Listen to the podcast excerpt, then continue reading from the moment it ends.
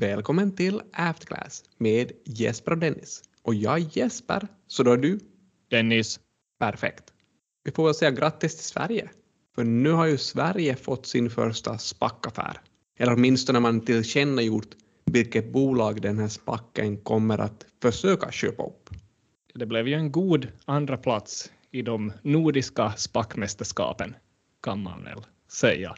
För vi hade ju Vaxbacken i Finland som tog guldet och nu då TBD30 vinner silver, eller får silver. Så de här spackarna har ju ofta ganska intressanta namn. TBD30, har vi någon aning om vad det kan stå för? Jag har suttit och spekulerat lite på egen hand, så i det här prospektet så skrev de att de skulle garanterat hitta en affär inom 30 månader, så det är väl det där 30. Och då tänker jag att TBD betyder to be determined som inom 30 månader. Vad tror du om det? Nej, men det argumentet köper jag, men det är inga, inga bekräftade uppgifter alltså. Men jag tycker vi säger att det betyder just det. Men det blev inte alltså 30 månader, utan det blev 13 månader. Och Spolargruppen är objektet. Och vad är det för typ av bolag då? Så de sysslar med slamsugning, rörspolning och rörinfodring och sådana här sexiga saker.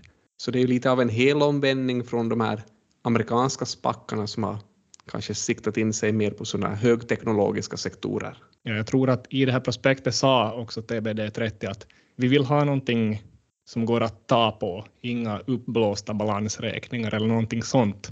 Och det fanns kanske lite belägg sen tidigare också att det skulle bli ett sånt här rörbolag som man skulle förvärva. För att om man går in på deras hemsida och sån här frequently asked questions, så på en fråga om det finns en risk att bolaget är lite mindre noggrann då de gör sitt förvärv eftersom de har den här tidspressen. Så på den frågan så säger vdn Anders Lönnqvist att, att vårt mål, eller på engelska står det så här att our aim is to create a sufficiently strong pipeline to minimize the risk of running out of time. Så med det här ordet pipeline kan man väl koppla till Spola-gruppen. Så på något vis, så här i efterhand kan man konstatera att vi visste väl nog vad objektet skulle bli.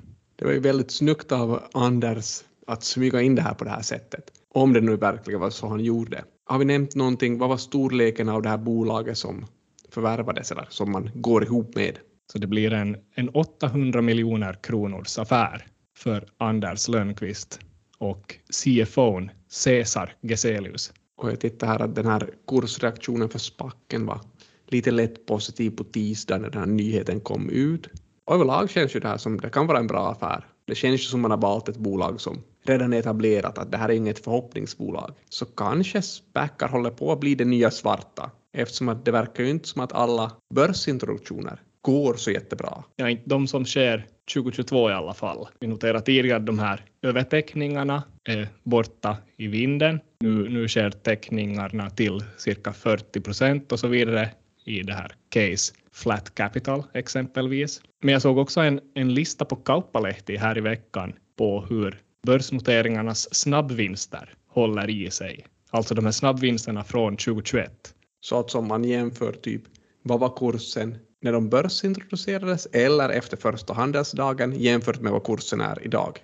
Exakt. Vad hittar du för guldkorn på den listan? Så bland de sämsta, det här bolaget som vi diskuterade förra veckan, Modulite, hade ju en väldigt stark öppning men sen en väldigt dålig avslut nu här på senaste tiden. På botten hittar vi också bolag som Lamour och Euphoria som vi, vad jag minns, har hackat på lite också. Och om du vänder på hela den här listan, vad hittar du på toppen? Chempower. Och de har vi väl talat oss varma om, kan vi kanske intala oss. Och är det bara jag som har den här känslan, men är det så att de här två finländska späckarna faktiskt har haft en rätt så bra kursutveckling från det att de börsintroducerades? Ja, alltså vi har ju den här Vaxbacken som har hittat sin kandidat, så där är det positiva toner, men samma gäller också den här Lifeline-spacken. Så där har det varit positiv utveckling. Det blir ju lite intressant då om man jämför de finländska späckarnas utveckling med de svenska späckarna. För där har vi både ännu Burespäcken och Creades-späcken som ännu inte har hittat en uppköpskandidat och som just nu handlas kring en 98 kronor. Och det blir ju alltid intressant när de är under 100 kronor eftersom de i princip har 100 kronor per aktie att göra det här förvärvet med. Så det känns ju lite som om man köper någon av de här spackarna så får man mer kronor än de kronor man tvingas betala. Så det är lite spackrabatt i Sverige. Ja, det för oss lite till ett sånt här klassiskt Warren Buffett-citat att pris det är vad du betalar och värde det är vad du får. Och Warren Buffett han har ju fått någonting här på sistone också, fast han är på sin ålderns höst.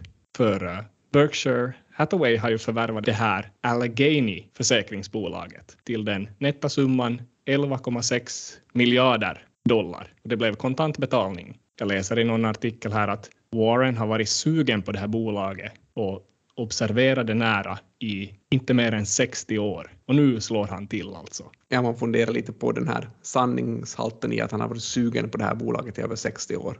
Jag vet inte angående priset eller gain.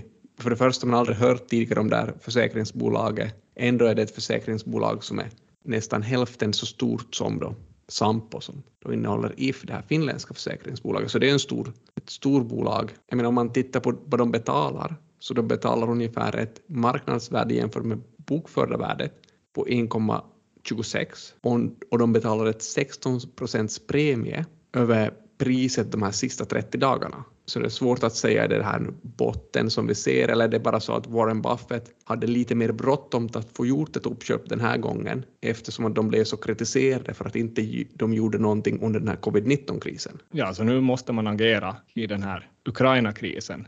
Eller får man säga Ukraina-krisen? Det är väl inte helt okej okay att säga Ukraina-krisen. Man borde väl kalla det här Ukraina-kriget eller den ryska invasionen eller någonting sånt. Men inom Nokian Renkats ledningsgrupp, där har jag förstått att man använder krisordet mera. Att man, det är inte så farligt egentligen det som händer, hävdar de. Ja, den Nokia Renkat-situationen är ju en riktig röra. Så man ska komma ihåg att Nokia Renkat har ungefär 80 procent av sin produktion i Ryssland. Deras aktiepris har blivit väldigt bestraffat då för den här ryska invasionen och det här kriget i Ukraina. Så som lägst kostar en aktie 13 euro 80 cent. Och Nokia Renkat har då varit under press som de flesta andra bolag att lämna Ryssland. Men Nokia Renkat har valt att gå en liten, liten annan väg helt enkelt. Så de började med att i slutet på februari läcka ut till de här finländska medierna att de tänker lämna Ryssland. Och de applåderar alla andra bolag som som har lämnat Ryssland eller som också har bestämt att de ska lämna Ryssland. Så de hejade på alla de andra bolagen, precis som det ska vara. Men nu kör man någon slags rövare.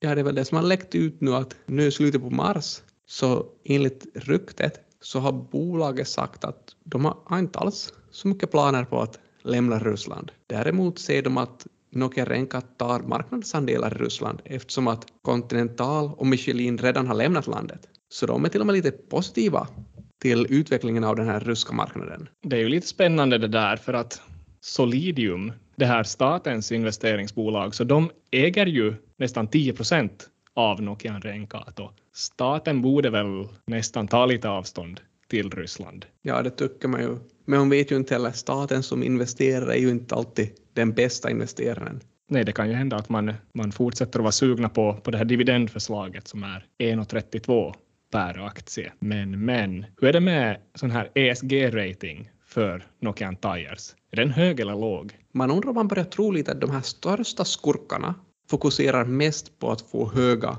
ESG-ratings. Så Nokian Tires, eller Nokian Renkat, har en AAA, alltså 3A-rating av MSCI ESG-rating. Det är som det högsta betyget man kan ha. Och samtidigt ser vi att de agerar lite rövare nu då det faktiskt gäller. Så den här lilla ena observationen stämmer ganska bra överens med en, en ny forskningsartikel som jag såg att är skriven av Baruch Lev och andra medförfattare från NYU.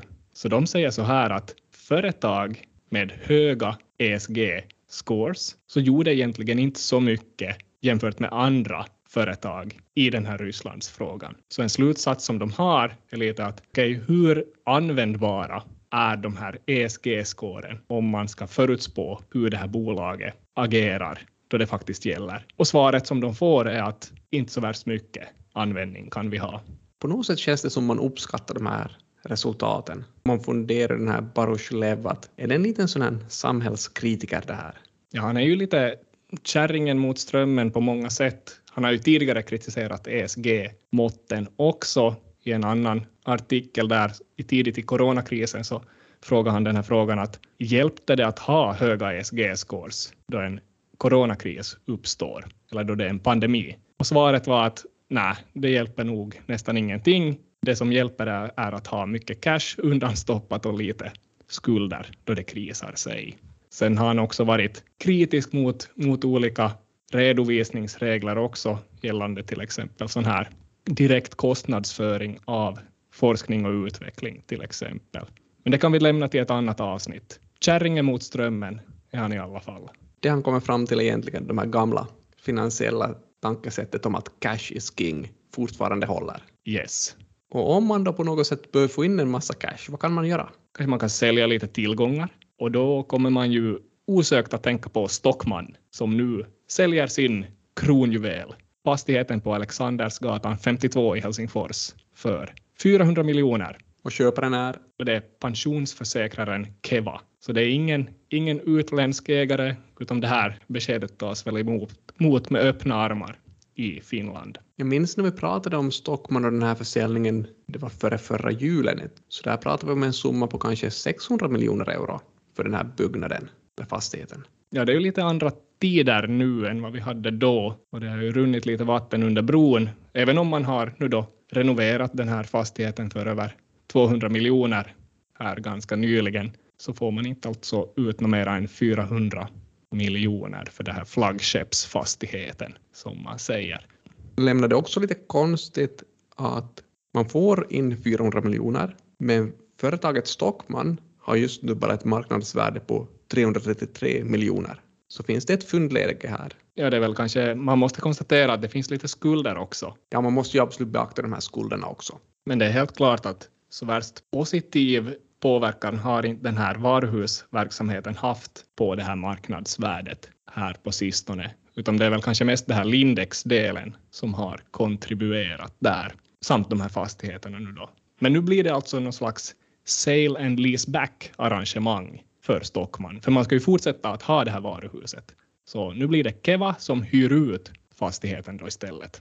Vem vet, kanske det här är ett bra sätt att sätta de här finländska pensionspengarna i rullning. För om vi bara hoppar över till Sverige så har vi ju SBB som är kanske ett sånt här praktexempel på ett företag som har lyckats väldigt väl med just sån här sale and leaseback strategi. Och där är det ju, jag tycker egentligen de här tankarna som deras VD och grundare Ilja har skulle passa väldigt bra in på ett pensionsförsäkringsbolag.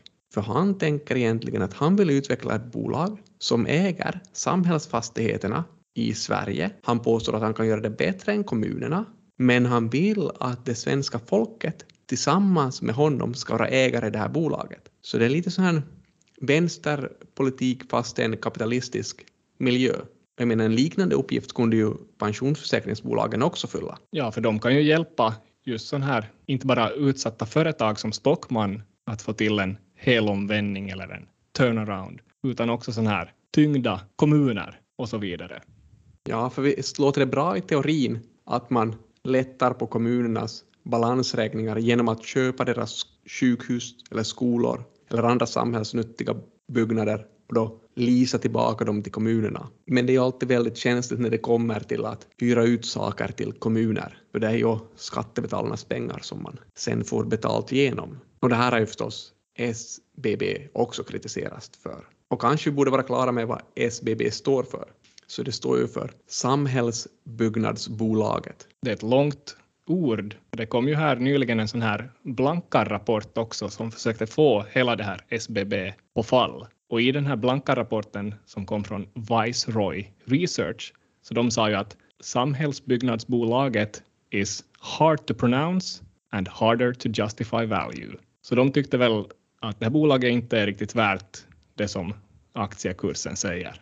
Ja, I den här rapporten klagar de ju förstås på många olika saker, men en nyckelsak som de klagar på är skuldsättningsgraden. Att SBB egentligen bara växer genom att ta på sig mer och mer skulder. Och jag tror också att den här forskaren Baruslev skulle ha gillat den här blanka rapporten eftersom att de också tar upp att trots att SBB har rätt så okej okay vinst så följer inte kassaströmmarna alls med utan hela den här vinsten kommer egentligen från att man skriver upp fair value på de här byggnaderna. Så de gör vinst, men de får ingen kassaström från det här. Det är väl helt klart någonting som går att kritisera och det är på just det där sättet. Man säger ju också i den här rapporten att revisorn har stigit åt sidan efter att revisorn har blivit undersökt av de här som inspekterar revisorerna. Så kanske det är någonting fuffens på gång här. Ja, grundaren, Ilias idé är ju väldigt fin med det här bolaget, men kanske det ändå har gått lite för snabbt framåt här. Men det är förstås, med framgång kommer också de som hatar. Och haters gonna hate. Men om vi ska börja runda av så kanske vi kan konstatera att vi har inte ännu mottagit någon blankar rapport mot oss, så vi får väl så lov att fortsätta som vanligt nästa vecka med nya insikter i After Class.